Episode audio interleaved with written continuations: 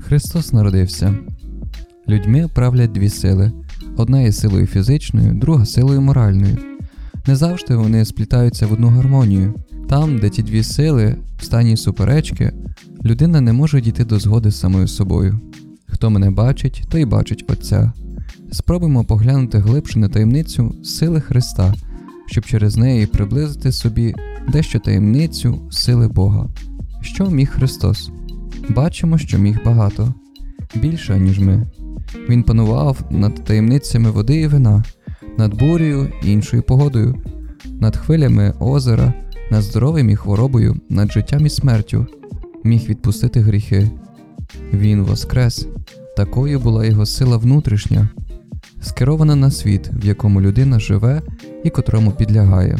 Але окрім того, була теж в нім якась особлива міць внутрішня, міць незвичайного панування над собою, оскільки міг змінити воду в вино, міг також і навпаки, але того не зробив.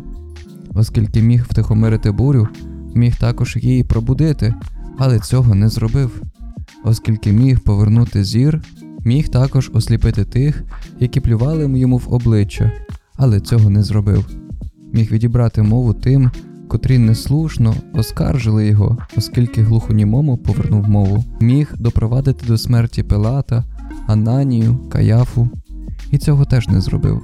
Ціла його сила внутрішня була піддана якійсь таємничій внутрішній міці. Якщо говоримо про силу Божу, то радше про силу внутрішню, аніж зовнішню. Про Христову міць знаємо з того, чого не зробив, хоча міг зробити.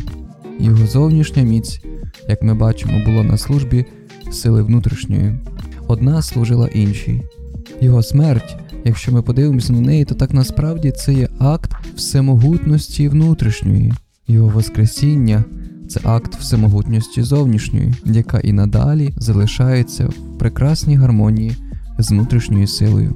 І звідси ми бачимо, як випливає єдність його вчинків і його слів, звідси теж простота кожного жесту, звідси влучність намірів і влучність учинків.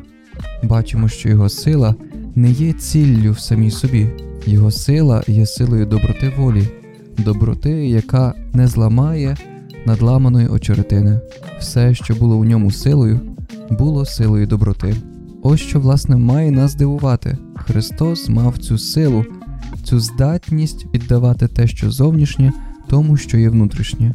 Якщо ми поділимо теж так загально, подивлячись на Бога, Його силу, то можемо побачити, що найбільшим проявом зовнішньої Його сили є створення світу.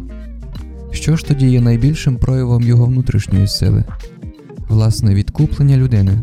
Але якщо ми поєднаємо ці дві сили, то побачимо, що по суті речей обидві вони є єдиним.